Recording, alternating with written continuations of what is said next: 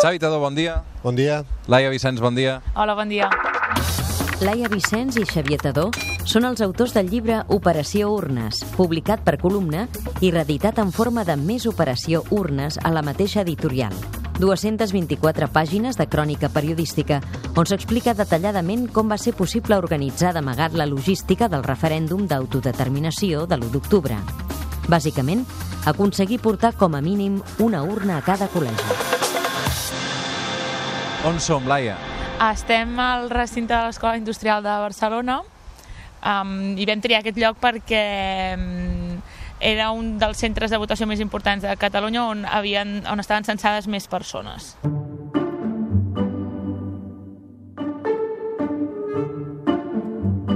Vosaltres heu aconseguit esbrinar com van arribar les urnes aquí a l'Escola Industrial?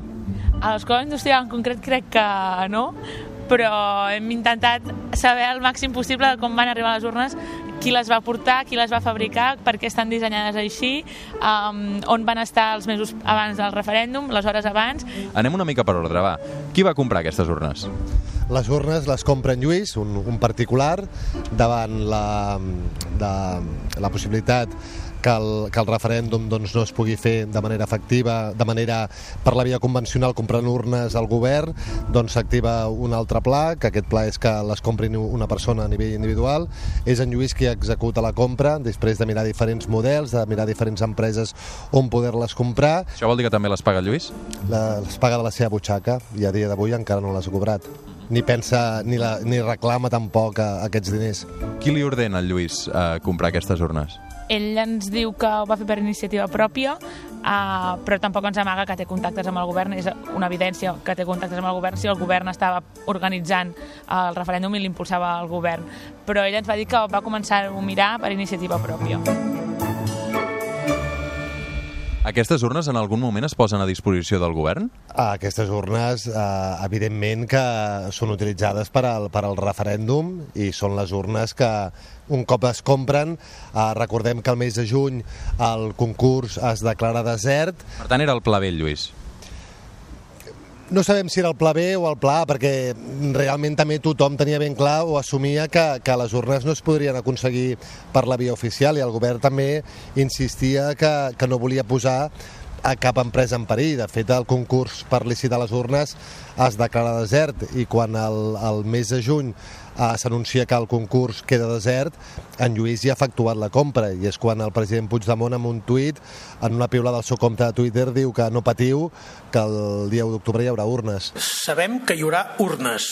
Si m'ho apura, i no puc anar més enllà d'això, sabem fins i tot el model, però hi ha moltes vies, n'hi ha moltes, eh, i deixi'm reiterar que hi haurà urnes.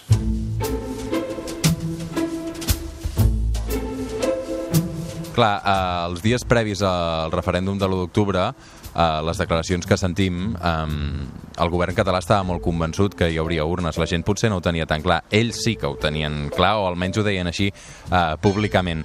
Realment eh, podien certificar-ho d'aquella manera tan convincent? Uh, jo crec que van confiar molt en la capacitat organitzativa de la gent. Jo crec que, que sabien que hi havia urnes, que sabien que estaven ja molt a prop dels col·legis. Uh, faltava més important que era que la gent les portés al col·legi, no? que, que s'atrevissin a fer-ho. Um, clar, jo suposo que el divendres abans del referèndum, quan a Mediapro, a la seu de Mediapro, ensenyen la urna, suposo que hi ha molta gent que respira tranquil·la de tenim les urnes, el que passa és que faltava la una part que a vegades no se li dona importància però que és fonamental, que és la persona que la té a casa, la que la té al maleter del seu cotxe que la té al traster eh, aquell dia amb tota l'adrenalina surti i les entri al col·legi arriscant-se perquè hi havia molta policia i, i guàrdia civil i que els podien veure. Um, jo crec que, que el govern va confiar que la gent ho faria perquè si no Sí, de, de fet, tota la gent doncs, que, que, que va portar urnes amb, amb el cotxe aquest, aquest, el mateix dia 1 d'octubre confessaven no, que, que havia sigut el pitjor viatge de la seva vida i sovint era un trajecte molt curt, no? però era com si portessin un cadàver, com si portessin armes o droga al cotxe, no? i hem de pensar en un estat policial en què hi havia 6.500 agents de, de, entre policies nacionals i guàrdies civils. Situem-nos ara fa un any.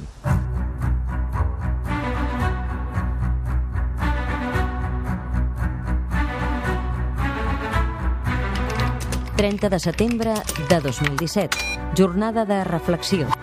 Fa poques hores de l'última conferència de premsa del govern, on s'ha presentat el model d'urna que els ciutadans trobaran als col·legis l'1 d'octubre. El vicepresident Oriol Junqueras assegura. Si algú tanca un col·legi, hi ha alternativa perquè els ciutadans votin. Encara que s'enduguin una urna o 100 o 200 urnes, no pateixi que hi ha moltes maneres de votar, perquè en el món suposo que hi ha més de 100 urnes i més de 200, etc etc, perquè hi ha moltes maneres de votar, perquè hi ha molts col·legis. Són hores d'espera, tensa, però festiva, i amb notícies a cada moment. Catalunya Ràdio. Ocupació pacífica d'escoles perquè demà s'hi pugui votar mentre la Guàrdia Civil entra al Centre de Telecomunicacions de la Generalitat. Benvinguts, són les dues. L'endemà, 1 d'octubre, just abans de l'obertura dels col·legis, arriba l'últim cop d'efecte. Tothom que tingui el seu DNI o el seu passaport podrà votar, ja que a cada taula hi haurà un sistema per consultar el cens universal i validar que ningú hagi votat anteriorment. És la culminació d'un circuit que implica vora 3.000 persones, les que formen la xarxa popular que porta les urnes als col·legis electorals. Ens hem descuidat una part d'explicar. És a dir, el Lluís compra les urnes, però com es distribueixen eh, per tot el territori català? I com hi arribeu vosaltres a totes aquestes fonts? Uh, el, el, bueno, el Lluís es va posar en contacte després de, de, de treure un reportatge al diari i, i ell ens va facilitar alguns contactes seus i també vam intentar fer-ho a la inversa i, i amb, bueno, jo almenys per la feina que ens hem anat dividint doncs, doncs amb persones que sospitava del meu entorn o que hi havia gent que em deia sé que aquella va tenir urnes anava i preguntava um, i llavors les urnes van baixant esglaonadament, diguéssim les reben tres persones que és el Lluís i dos contactes um, seus de la seva màxima confiança a la Catalunya Nord. Uh, de, de la Catalunya Nord se'n van a vuit grans municipis, vuit grans magatzems de Catalunya, d'aquests vuit en 40 més petits i dels 40 que és més o menys un per comarca aproximadament doncs a les cases particulars dos o tres dies abans. Um, que la feina també a l'hora de fer el llibre era uh, intentem arribar al màxim de zones possibles de Catalunya, no, no s'hi val només fer un llibre a, a Barcelona i els pobles on som el Xavi i jo, calia també representar com més zones millor, qui va ser més complicat perquè havíem, volíem o la nostra aspiració era com més zones representades a Catalunya millor. Al llibre hi ha un moment que expliqueu que les urnes a França va haver-hi un moment en què van estar a punt de ser requisades per casualitat. Com va anar això? Quan arriben al port de Marsella, eh, la, els agents duaners pregunten a la, a la persona doncs, que s'encarrega de la compra i això, eh, que en aquest cas és el, en Marc, en Marc era la persona que abastia, que va proposar o va oferir un espai on guardar aquestes urnes, li comenten perquè vol 10.000 caixes de plàstic, perquè en aquest cas no posava urnes, sinó que hi posava caixes de plàstic Llavors, en Marc, de manera així espontània, se li acut que, que és per fer una gran, un gran monument d'homenatge a una colla castellera de Catalunya Nord i, i després doncs, d'intercanviar de, alguna frase més i això doncs, sembla que, que la cosa sorgeix efecte. De fet, tenia una segona resposta preparada, que era que cada urna representava un casteller. Uh, vam comptabilitzar el nombre de castellers i hi ha uns 10.000 castellers. Vull dir que cada urna simbolitzava aquest, un casteller. Oye, eh, la azotea y nos vamos. Si no está, nos vamos. ¿Vale? ¿Dónde puedes? ¿Fuera no hay, en el patio no hay ninguna salida?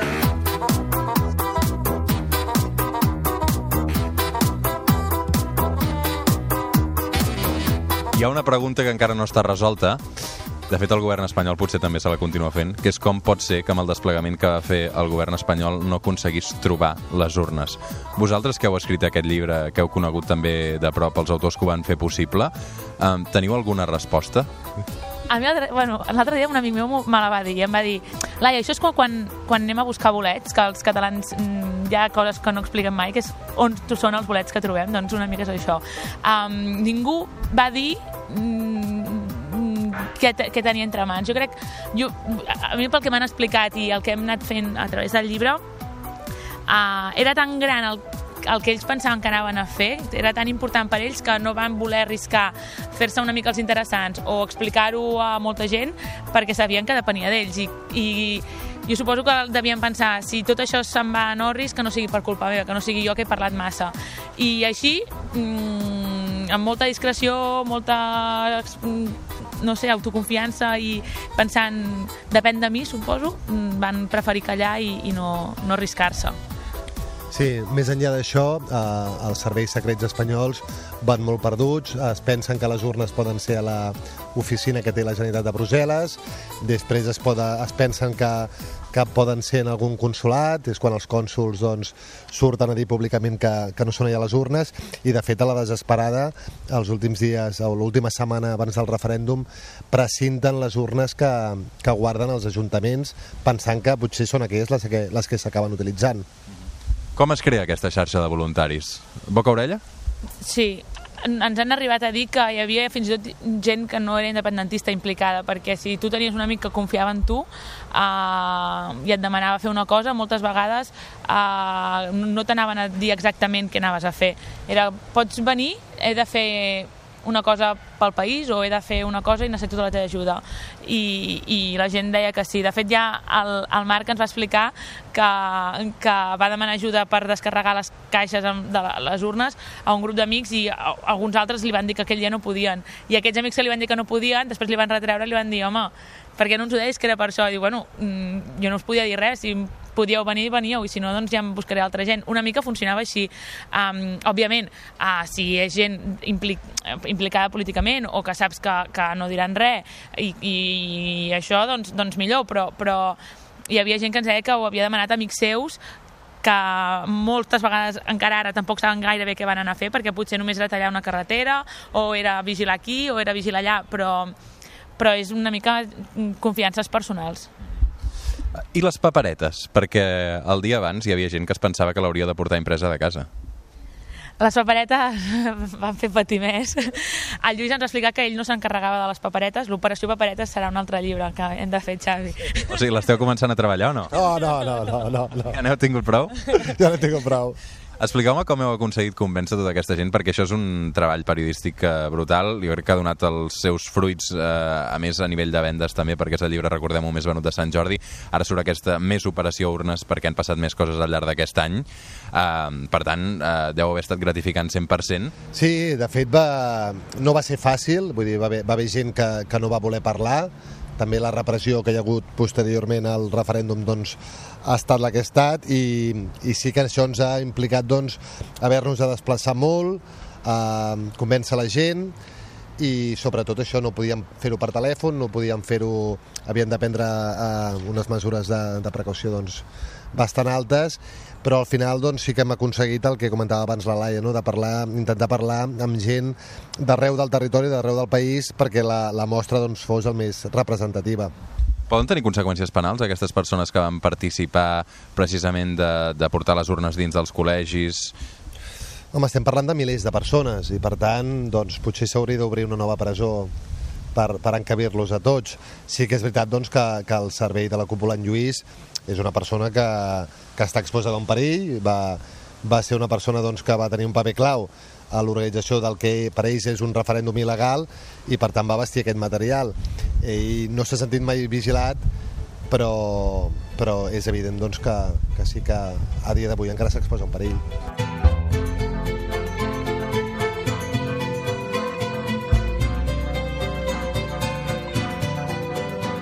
Heu fet una crònica periodística segurament del que va passar tots aquests mesos abans de, de l'1 d'octubre, eh, en què jo crec que queda bastant palès la coordinació que hi havia dins del govern per executar l'1 d'octubre i, que, i que passés i que es realitzés de la manera que va passar, malgrat tots els impediments, us va sorprendre tot el que va passar després políticament? Eh, cert grau d'improvisació, potser fins i tot?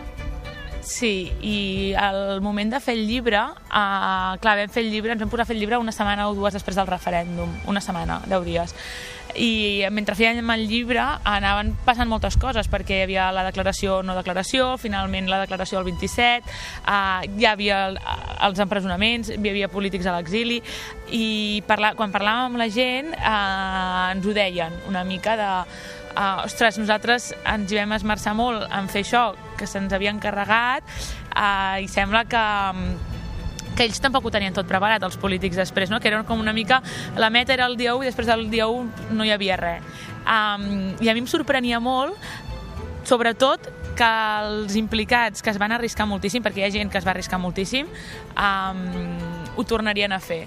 Tot i sabent el que va passar, ho tornarien a fer igual. I això és una de les coses, de les lliçons que, que, que jo crec que, que em quedo d'haver fet aquest llibre, perquè uh, és gent tan compromesa amb els seus ideals que encara que l'altre, el del costat, falli, uh, ells mm, estan convençuts que el que van fer va servir d'alguna cosa, a, a pesar no, de que, que políticament no es va implementar res. Crec que l'objectiu era arribar a l'1 d'octubre i van arribar més o menys units, els partits, però a partir de l'1 d'octubre doncs, eh, aquesta unitat d'acció eh, s'esquerda. Xavi Tadó i Laia Vicenç, moltíssimes gràcies eh, per aquesta feina i també per explicar-la també. Gràcies a vosaltres. Gràcies.